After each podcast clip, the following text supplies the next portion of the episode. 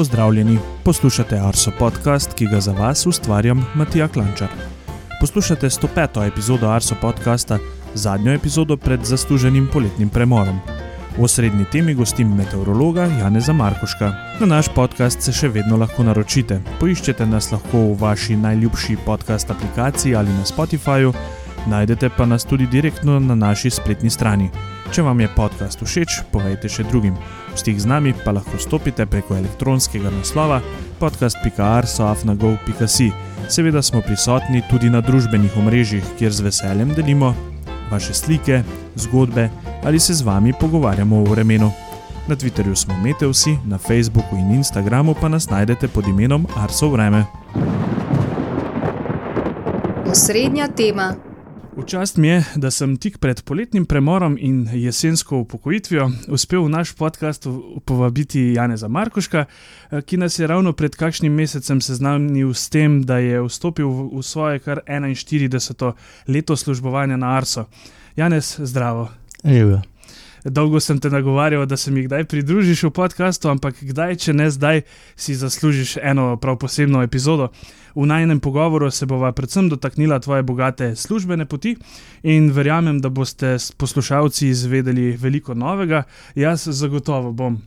In če se vrnemo čisto na začetek, me zanima za prvo vprašanje, kakšno vreme ti je sploh najbolj všeč? Ja, včasih smo rekli, da v naravi ni slabega vremena. Ne? Lepo je, ko si je sonce, lepo je, ko sneži, lepo je poslušati skrbljanje dežja, pa ali pa opazovati nevihte v daljavi. Ampak v zadnjem času pa opažamo, da je vse več takega ekstremnega vremena, ki, za katerega pa težko rečemo, da je to lepo vreme. Namreč povzroča materialno škodo in včasih žal tudi odnese kakšno človeško življenje. Tako da ne moremo vsakemu vremenu reči, da je lepo vreme. Recimo lepo, lepo vreme je za gazilce, ko se borijo s požarom, tudi kadar držuje. Kaj pa zate osebno? Osebno je lepo, da lahko skočiš na kakšen hrib. Ja, in opazujem nevisto v daljavi. Um, kdaj si se pa sploh začel zanimati za vreme? Ja, takole, um, v gimnaziji dolgo časa nisem vedel, kaj bi počel v življenju. Uh, potem so me začeli že v četrtem letniku priganjati, da se je pač treba odločiti, in sem se odločil tako, da bi študiral nekaj, bom rekel, oprijemljivega, nekaj, kar lahko vidiš. Se pravi, ne zanimajo me kakšni delci pri fiziki ali kaj takega, ampak nekaj oprijemljivega, in sem se potem odločil za meteorologijo. Takrat je bilo precej malo študentov meteorologije, mislim, da sem bil jaz 36 ali 37, ko sem uh, diplomiral. In, ja, in potem je pa pač potekal, potekalo, potekal ta študij. Um, takrat je bilo tako, da je bilo uh, dve leti fizike. Um, drugi letnik sem nekako splezal s pomočjo prijateljev, kolegov, kajti bil je en izpit, ki je bil presneto težek, ampak ko sem čez tistega splezel, sem vedel, da bo, da bo šlo do konca, kajti potem tretji in četrti letnik meteorologija še zdaleč ni bila tako težka kot tisti drugi letnik fizike. Pa se drugače, generalno, rad spominjaš teh študijskih let? Maja, nič ni bilo takega pretresljivega, šlo je gladko skozi, skozi razen mogoče ravno tistega izpita iz, rekli smo, mafije, tako da večina že ve ta mafija nas seveda je preganjala tudi v eh, malce novejših časih, tako da je zelo zanimiv predmet matematične fizike. Matematične fizike. Uh, ki bomo rekli, da je kar uh, neka taka stvar, ki je delala mogoče selekcijo med študenti fizike. Uh, Uh, mogoče potem, ko si se bližal koncu študijskih let, si se že oziral za prve službe na takratnem hidrometeorološkem zavodu ali kako je mogoče? Ne, službo sem imel že kar obljubljeno na hidrometeorološkem zavodu. Jaz sem uh, v zadnjem letniku uh, študija, pa potem v absolventu, mislim, da sem kar malo predolgo vlekel, da je bil profesor Petkovšek že malce nevoljen. Uh, delal na hidrometeorološkem zavodu kot uh, meteorološki opazovalec, nadomeščal sem vse dopuste vseh štirih uh, delavcev, ki so bili takrat. Takrat so namreč opazovanja potekala 24 ur uh, na dan. In uh, seveda, to delo meteorološkega opazovalca je nekako imaš 15 minut dela na uro, 45 minut je si pa prost. In v tistem prostem času sem v bistvu rad zahajal v meteorološko prognozo, kjer so takrat dežurali štirje. Od mlajših eh, kolegov takrat je bila eh, kolegica Tanja Cegnar, takrat eh, najmlajša, pa ostali eh, pač sodelavci, ki so bili že nekoliko starejši in so se bližali pokoju. Tako da sem takrat nekako vzljubil to meteorološko prognozo. In seveda tudi vodstvo takratno je imelo nekako z mano te načrte, da me bodo potem eh, čim prej eh, dali v ekipo, ki se ukvarja s napovedovanjem vremena. Je v umestnem tem času mogoče prišla še tudi kakšna druga ponudba ali je ne, bila to ne, HMZ ne, ena in edina? Ena in edina, ni bilo nobene ponudbe in tudi eh, nisem niti iskal, tako da to je bilo to je bil cilj, da se pač tukaj zaposlim. Kako so pa potekali te prvi v bistvu dnevi, se jih spominjaš, kako je mogoče tisti prehod iz uh, opazovalca pa v meteorološko prognozo? Um, ja, prvi, zdaj, tako, v mojem primeru je bilo tako, da sem prišel v službo 1. maja začel sem s pripravništvom, to pomeni kroženje po oddelkih, ampak že po dveh mesecih sem moral še odslužiti dolg takratni državi, se pravi 12 mesecev služenja vojaškega roka, tako da sem, mislim, da sredi julija odšel v vojsko, na katero imam pa pravzaprav tudi lepe spomine in uh, nisem prekinil z stroko tam. Namreč bil sem v, na, na letališču uh, v, v nekje v Srbiji. Eh, bil sem med letalci in uh, nujno so potrebovali meteorološkega opazovalca, tako da sem v tistih eh, vaj s puško, pa tem minimalno, sem takoj nastopil tisto službo. In potem, ko so pa tam oficiri izvedeli, da, da obvladam tudi prognozo, sem prevzel še meteorološko prognozo letalsko, tako da mi ni bilo res nič hudega sem nekako uh, obdržal stik z, z vremenom in opazovanjem in napovedovanjem vremena. In potem, potem, ko si prišel nazaj iz vojske, pa spet nek nov začetek tukaj. Ja, potem pa nov začetek, ne, nadaljevali smo s pripravništvom. Um, to, to je bilo pač tako, kot sem že rekel, krožil sem nekaj časa po oddelkih, ampak zelo hitro so me dali v meteorološko prognozo in sem potem um, bil zraven dežurnega prognostika, zelo zgodaj, že mislim, da po dveh tednih sem doživel tudi radijski krst.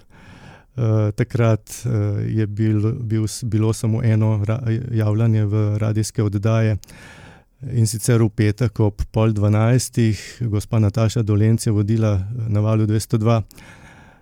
In ta drugi petek, ko sem bil v službi, zazvoni telefon, uh, pokojni gospod Mirjam Trontel je bil dežuren, ga iščem okoli, ga ni nikjer.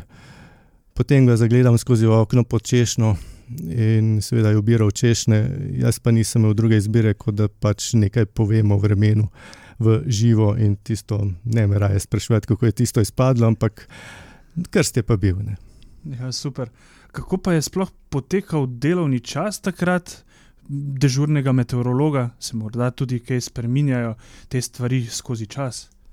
Ja, takrat, ko sem jaz začel, uh, pa tudi potem, še v moja nadaljna leta službovanja, je bil delovni čas od, mislim, od 5 pa do 20, 19, uh, seveda zmenjavo ob 13, konzultacija je bila ob 13, uh, popoldne je prišel. Uh, drug prognostik, ki bo potem nadaljeval naslednje jutro. V prvem letu mojega službovanja sem, so se dogovorili šefi, da bi pravzaprav jaz največ izkušenj pridobil s tem, da bi vsak dan delal popovdne. In sem delal eno leto, vse čas popovdne. Uh, najprej se mi zdelo to grozno, ampak potem, ko si pa enkrat v življenju urediš na ta ritem, ne, uh, da imaš pač zajtrk ob 11, uh, pa greš potem v službo. Uh, je bilo pa čisto, čisto v redu. No, po, po enem letu sta se pa pridružila še uh, nova dva diplomanta, oba Andreja, torej Andrej Velkavrh in žal že pokojni Andrej Pečenko. Čez kakšno leto še Brane Gregorčič, in to je nekako potem postajalo novo jedro mladih meteorologov, prognostikov na takratnem hidrometeorološkem zavodu. Ostali, ki so pa že, še prej uh, dežurali, ne, katerim smo se priključili, so pa pač uh, počasi odhajali v pokoj ali pa na kakšne druge zadolžitve. Tako da počasi z leti smo mi štirje potem prevzeli uh, tole uh, napodovanje vremena na hidrometeorološkem zavodu. Si mogoče imel med temi meteorologi, ta starejšimi, kakšnega vzornika? Ja, torej, seveda, gospod Miran Trontel je bil pač pravi vzornik. Moram pa omeniti tudi še gospod Miljano Paradiš. Ona je bila pa nek leksikon, ko bi rekel, kuharskih receptov. Se pravi, s svojimi izkušnjami je zbrala nekaj takih modrosti. Recimo, če je uh, tukaj tako, potem je tam tako. Ali pa če ne se zgodi. Recimo, za primer, ki se ga zdaj na hitro spomnim. Recimo, če je januarja uh, jasna noč, uh, snežno odejo po nižinah. Brez inverzije, potem je temperatura zjutraj v Ratečah taka, kot je na Krederici ne, minimalna. To je ena taka modrost, ki, ki je očitno z leti uh, se ona pač prišla do tega, da to veliko krat drži. Ne. Pa bilo je še, jih je še nekaj več. Ne. Tako da, ja, veliko smo pač mlajši odnesli uh, od pač teh. Um, Na svetov in izkušenj starejših kolegov. Moram reči, da smo se zelo dobro razumeli in da ta potem prenos, odhod, njihov odhod v pokoj, pa uh, nekako, ko smo mi prevzeli vajeti te meteorološke prognoze, da je šlo to vse lepo gladko. Kako pa je v bistvu prišlo do nekih, v, v tem času, v teh 40 letih, se je ogromno verjetno spremenilo. Predvsem eh, bova verjetno o računalnikih tudi malce kasneje, ampak je mogoče še kakšna druga razlika uh, med delom takrat in pa danes, v smislu meteorološke prognoze, seveda. Oh, joj, razlika je, ko noč pa dan. Ne. Ko smo začeli, praktično bi rekel, nismo imeli skoraj da ničesar. Ne. Uh, imeli smo nekaj prognostičnih kart uh, na nekem smrdljivem papirju, ki se je printal v, v zbirnem centru. Uh, nižinska prognostična karta za jutri in pojutrišnjem, mislim pa nekaj, nekaj uh, geopotencijala na 500 milibarjih, teh 500 milibarskih kart, uh, ne vem, za 2-3 dni naprej. In seveda tudi uh, imeli smo pa analize, ne? analize za trenutnega vremena po celi Evropi. Uh, še največ časa smo s tistim izgubili, ko smo iskali in risali fronte in primerjali, koliko se je fronta recimo v šestih urah pomaknila naprej, pa nekako potem predvidevali, kdaj bo šla čez Slovenijo. Medtem, potem je pa seveda razvoj šel naprej ne? in uh, prišla je najprej recimo satelitska posnetek tako mislim, da enkrat na uro. Eh, potem so v sosednjih eh, oddelkih, sektorjih začeli ukvarjati s tem, bi rekel, grafičnim prikazovalnikom eh, bodočega vremena, tako da smo lažje gledali meteorološ, razne meteorološka polja za naprej.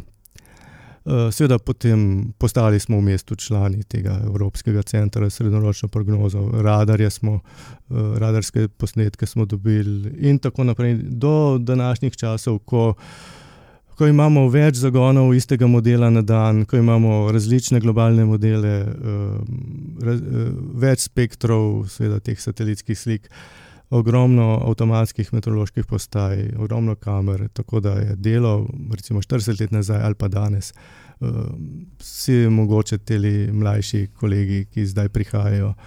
Težko se težko predstavljajo, kako seveda. je takrat bilo. Ampak, ne, bom rekel tako, um, takrat si imel eno mnenje ne, in si rekel, tako bo, pika, ni bilo več dileme.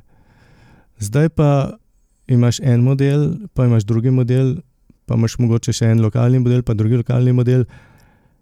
In se zgodi, ko gre vsak po svoje, ko gre, ko gre sta dva zaporedna zagona istega modela, čisto nekam drugam za bodočnost. Ne.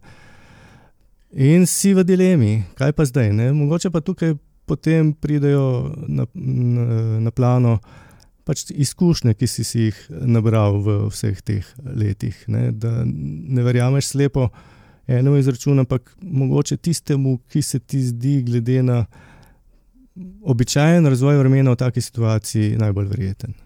Zato definitivno tudi velikrat sam poudarjam, da je potrebno vreme gledati precej bolj široko kot pa napoved, ki nam jo recimo telefoni ali pa mobilne naprave eh, dajo praktično v trenutku za eno določeno točko, in da je potrebno kdaj prebrati tudi vremensko napoved, ki jo ja. dežurni meteorolog predstavi z besedami ker njegove izkušnje so tukaj neprecenljive. Tako, ja, seveda, tiste, da se zdaj v tem času uh, na uro zračunati za vsako točko, kakšno bo vreme. Ampak ne vem, jaz uh, bolj sem bolj, kar se tiče tega, uh, konzervativen in tistemu pač ne verjamem, ker vidim, kaj mi telefon ponuja. Pač ni, tisto, ni to, to, treba je tako, kot si rekel prebrati tisto. Imamo, seveda, poleg splošnih napovedi, tudi napovedi, posebne napovedi za gore, morje in tako naprej. In ker vreme v gorah, seveda, ni enako kot vreme po nižinah. Tako da se splača prebrati. Če po telefonu tipkate, recimo, rudno polje, boste dobili pa čist nekaj drugega. Ne. Kako si pa mogoče dosti povezano vprašanje, kako si se sam spopadel s vsemi računalniškimi novostmi skozi ta čas na Arso? Ja, ni bilo nekih težav. Namreč, dobro, vsi, vsi starejši, oziroma zdaj starejši, smo bili več ali manj samouki. Um, imeli smo dobra navodila, imeli smo pomoč mlajših kolegov in smo se nekako naučili z delom in obdelom. Tako da, kakšnih tečajev ravno ni bilo, tudi v bistvu ni bilo nobene potrebe, da, mi, da bi nas. Eh, pošiljali na tečaje, kako recimo nek editor odpirati in kako vnašati podatke v, v nek drug editor. Tako da smo se priučili in vsaka novost je bila dobrodošla, sploh tista, ki nam je olajšala delo. In tako da smo hitro vsi uh, po vrsti to sprejeli. Kaj so bile pa recimo tvoje poglavitne neke glavne naloge na agenciji, poleg uh, meteorološke prognoze, verjamem, da si se lotil še česa? Ja, tista moja glavna naloga v vseh teh 40 letih je bila seveda uh, dežurstvo v operativni meteorološki prognozi. Kot sem rekel, na začetku je bilo tako, da je bilo dežurstvo popoldne zjutraj, se pravi od 13 do 20, pa potem zjutraj od 5 do 13. Ne. To je bilo zaporedoma, za vikend je pa potekalo dežurstvo v zdan, ne. se pravi od 5 do 20, to se je včasih malo vleklo. Uh, nekje na koncu let, 90-ih let so mi ponudili vodenje oddelka za meteorološke prognoze, in ta oddelek je pač potem ostal v mojih rokah vse do leta 2021, ko so ga prevzeli mlajši kolegi. Tako da sem jaz lahko že počasi uh, se pripravljal za, uh, začel pripravljati za uh, odhod v pokoj. Uh, poleg eh, vodenja oddelka, seveda sem pač moral spre, eh, spremljati tudi, oziroma skrbeti za to, da je vedno nekdo prišel. In moram reči, da je vseh teh 23 letih mojega vodenja vedno bil nekdo zjutraj v službi, nikoli se ni zgodilo, da ne bi bilo nikogar. In uh, moja naloga je bila tudi, seveda, iskanje menjav ob uh, nepredvidenih dogodkih. Uh, moram tukaj pohvaliti svojo ekipo, da je bila vedno zelo dobro odzivna in je vedno nekdo se našel, ki je priskočil na pomoč, tako da je vskočil v, v dežurstvo. Seveda so v sosednjih sektorjih oddelkih razvijali nova urodja in ta urodja smo potem seveda upeljali v operativno meteorološko prognozo. Sem se pa ukvarjal tudi z recimo uvajanjem mlajših kolegov v, v operativno dežurstvo. Več kot 20 let pa tudi že pišem uh, za Bilten Arsa, se pravi razvoj vremena v preteklem mesecu, ki ga bom z veseljem predal mojemu sogovorniku. Ja, to bo še kar zanimiva stvar, ki nas čaka v naslednjih mesecih. Ampak uh, tako kot nam znate predajati znanje, mislim, da tudi tukaj ne bo, mislim, ne bo nobenih težav. težav.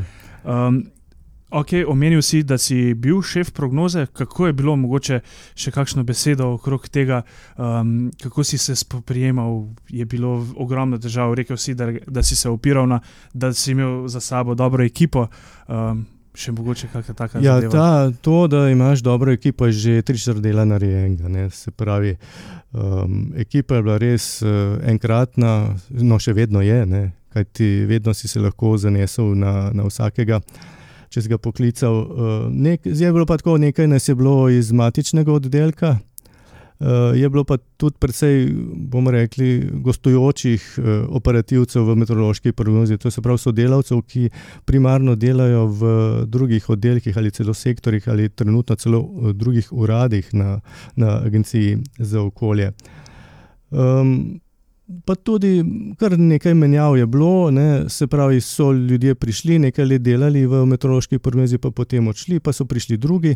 Medtem ko tole jedro, uh, naš štirih, ki sem jih na začetku omenil, se pravi, jaz, oba Andreja in eh, Brane, pa ostajamo zvesti meteorološki prognozi vse čas. No, tudi eh, kolega Uroš je že vse čas od začetka zraven, on je sicer malce mlajši od nas, ampak tudi on je uh, precej tukaj.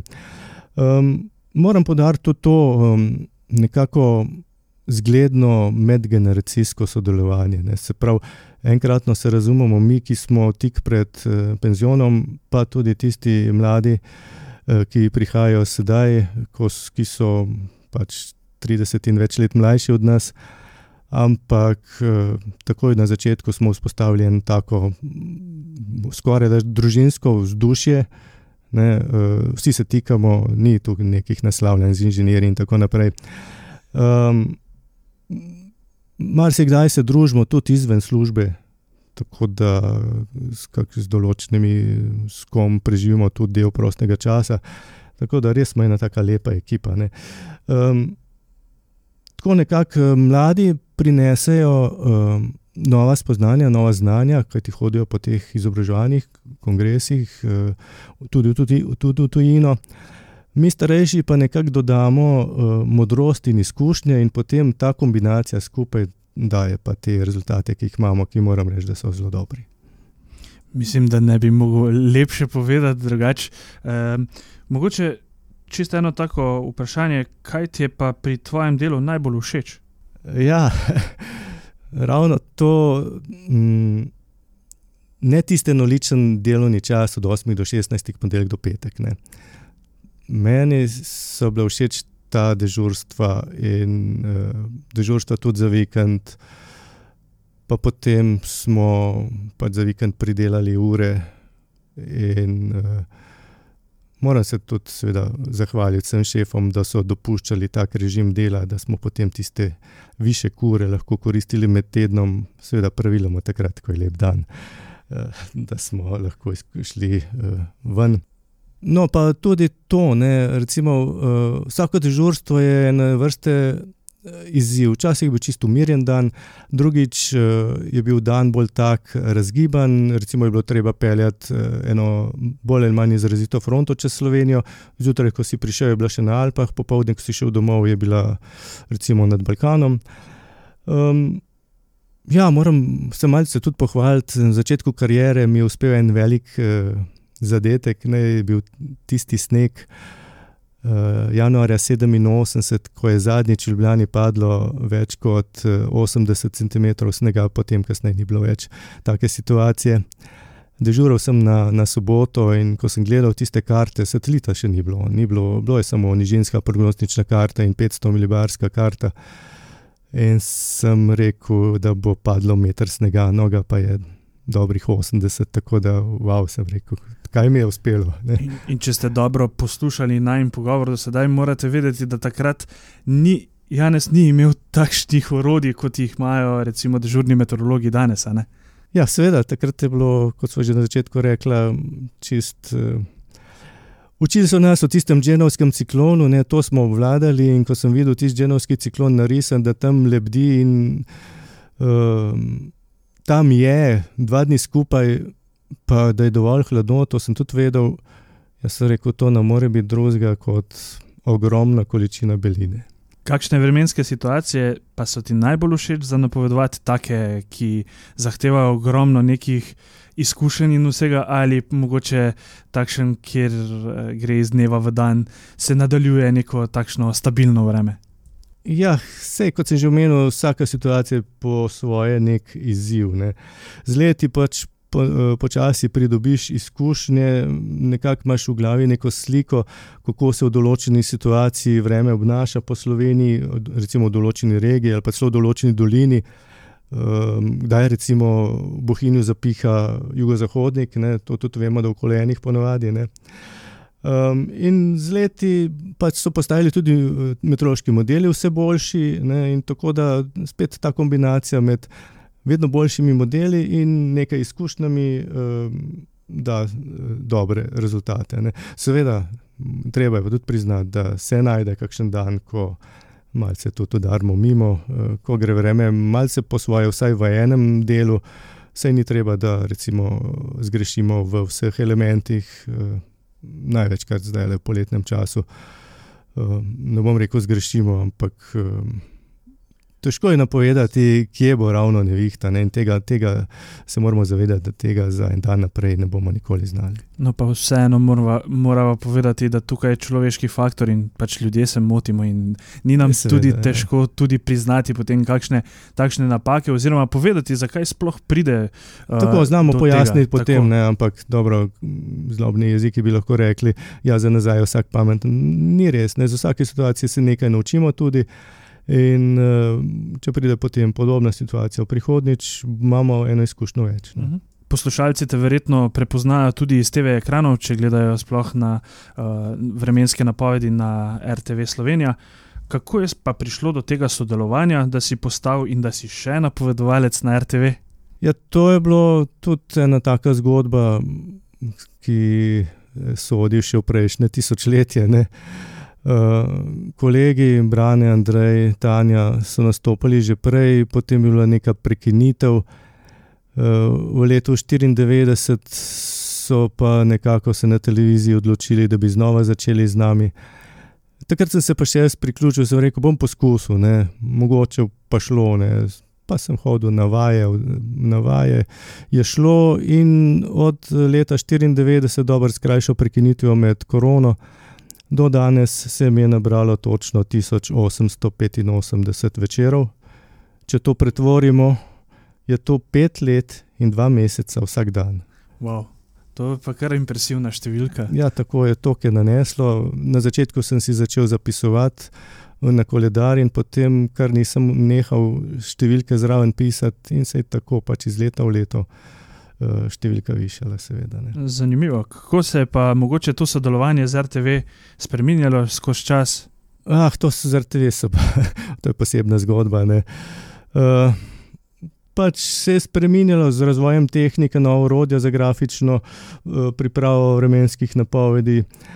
Um, pa tudi uh, spremenjajoča se politika informativnega programa na RTV. Tako da s, enkrat je bilo več oddaj posnetih, drugič je bilo treba manj oddaj posnet. Uh, pa enkrat v enem studiu, drugič v drugem studiu. Skratka, vedno se je nekaj dogajalo, ampak nekako smo zavozili skozi, skozi uh, ta, uh, to obdobje uh, pač teh nastopov v, na televiziji. Včasih mislim, da neko obdobje sta bili celo dve kameri, da si moral še to paziti, v katero kamero gledaš. Poleg tega, da moraš z roko kazati, pa še govoriti zraven. Tako da kar neko, nekaj tri, štiri ali pet opravil naenkrat si moral početi, pa še sprehajati se levo, desno. Ja, da. S tem, da res je ta zanimiva zgodba, da kažemo praktično pred zeleno steno. Ja, tako, tako, ja.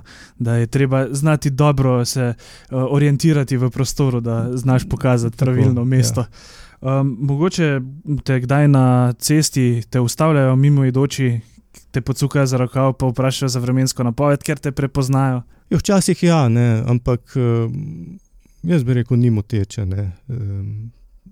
Sej prijazno odgovoriš, e, če je pač tista opaska, oziroma tisti, ko te ustavi človek, prijazen. Če pa ni prijazen, se pa obrneš, pa greš. Ne. To nekako moramo sprejeti. In, in uh, s tem pač živeti, da smo prepoznavni in nekaj. Velikrat me stavijo v hribih, ker predvsej v hribe hodim. Pa takrat planinci so pa v glavnem vsi prijazni ljudje in se lepo pomenimo. To je že ta prvi planinski bonton, da se pozdravljajo. Pozdravljajo. Um, mogoče se ti je v vseh teh letih uh, pripetila tudi kakšna anekdota na RTV? Ja, na RTV. Enkrat je bil en tak dogodek, ko sem prišel na snemanje vremena. Smo, ponovadi smo bili že v studiu, ko se je pač vrtelo vreme pri poporočilih ob 17. Uh -huh. In sem prišel v studio, pa se iz režije zasliši, še 60 sekund boš vreme prebral. In sem rekel, kako prebral, vse imate posnetek. Potem čez nekaj časa reče, še 30 sekund, sem rekel, pa ne se hecati. A resno misliš? Prav, ja, nimamo vremena, da je nekaj, nekaj už povedal. Ne? In sem v 30 sekundah si zavrtel prikazovalnik na tisto sekvenco, ki sem jo uporabil, in zraven vzel list papirja, kjer sem mu napisal tekst. In prebral vremensko napoved, oni so špico dal na začetek in na konec, in izpadlo je kar dobro. Takšno je pa vreme, ne, nepredvidljivo. nepredvidljivo. In, uh, pač tudi hitro se moraš obrniti, hitro moraš odreagirati. Tukaj pa mislim, da sem dovolj dober v takih nepredvidenih situacijah. Bližava se koncu najnega pogovora, vseeno bi rad mogoče pogledal malce v prihodnost, zagotovo že imaš kaj v mislih, kaj boš pa delal potem v upokojitvi. Boš še vezan na vreme? Ja, na vreme, sigurno. Zdaj, uh, nekateri kolegi bi pripomnili, sigurno bomo dobivali vsak dan kakšne SMS-e s pripombami, ne tako hudo ne bo. Ne. Zdaj, uh, ko se upokojim, bom seveda potem počel vse tiste stvari, za katere v tem času uh, aktivne službe ni bilo časa. Uh, in če mi, seveda, tukaj računalničari. Ne odklopijo dostopa do našega internega prikazovalnika vremena, bom še vedno spremljal vreme eh, in jaz verjamem, da me ne bodo ravno odklopili. Eh, verjetno bom pa kdaj tudi kaj pokomentiral, ne napovedi kolegov. Eh, kar se pa tiče napovedovanja vremena zase, to, tukaj pa ne bom drugih gnjavil, si bom kar sam napovedal. 40-41 let izkušenj nekaj že mora prinesti. Bom pa seveda dobrodošel in eh, nekako eh, z zadovoljstvom opazoval te nove produkte, ki bodo nastajali v prihodnih letih in jih seveda tudi pridom uporabljal. Če bojo pa preveč sofisticirani, se bom pa pustil podučiti.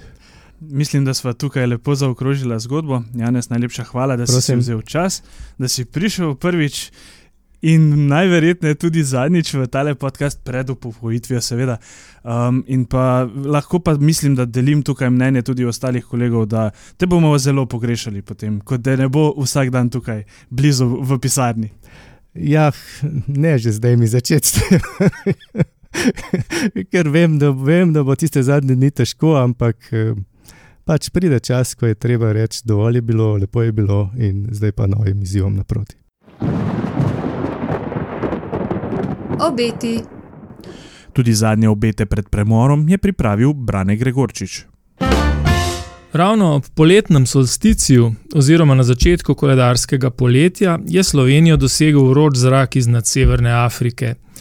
Prvi vročinski val tega poletja sicer ne bo dolgotrajen, vročina bo predvidoma kulminirala v četrtek 22. junija, ko bodo popodanske temperature pri nas po nižinah večinoma med 32 in 37 stopinj.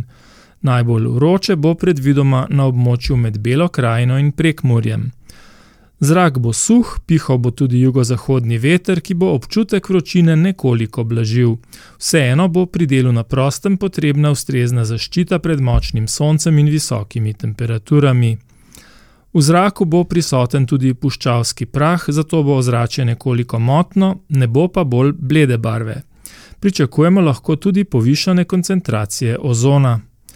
Že v petek bo na vreme pri nas vplivala hladna fronta, ki nam bo prinesla nekaj padavin, neviht in osvežitev. Ob koncu tedna, se pravi v soboto in nedeljo, se bo razvedrilo, popodanske temperature pa bodo v notranjosti Slovenije med 25 in 29 stopinj. Nekoliko bolj vroče bo ob šipki burji na primorskem. V prihodnjem tednu se bo vročina počasi vračala, s tem pa se bo povečala tudi možnost posameznih popovdanskih neviht. Kakšnih izdatnejših padavin pa zaenkrat ni na vidiku. S pogledom v vremensko prihodnost smo pripeljali 105. epizodo Arso podcasta do konca. V poletnem času vas vabimo k poslušanju starih epizod, predvidoma pa se z novimi vrnemo meseca septembra. Do takrat pa vam želimo čim mirnejši poletni oddih s čim manj vremenskimi nevšečnostmi. Se slišimo.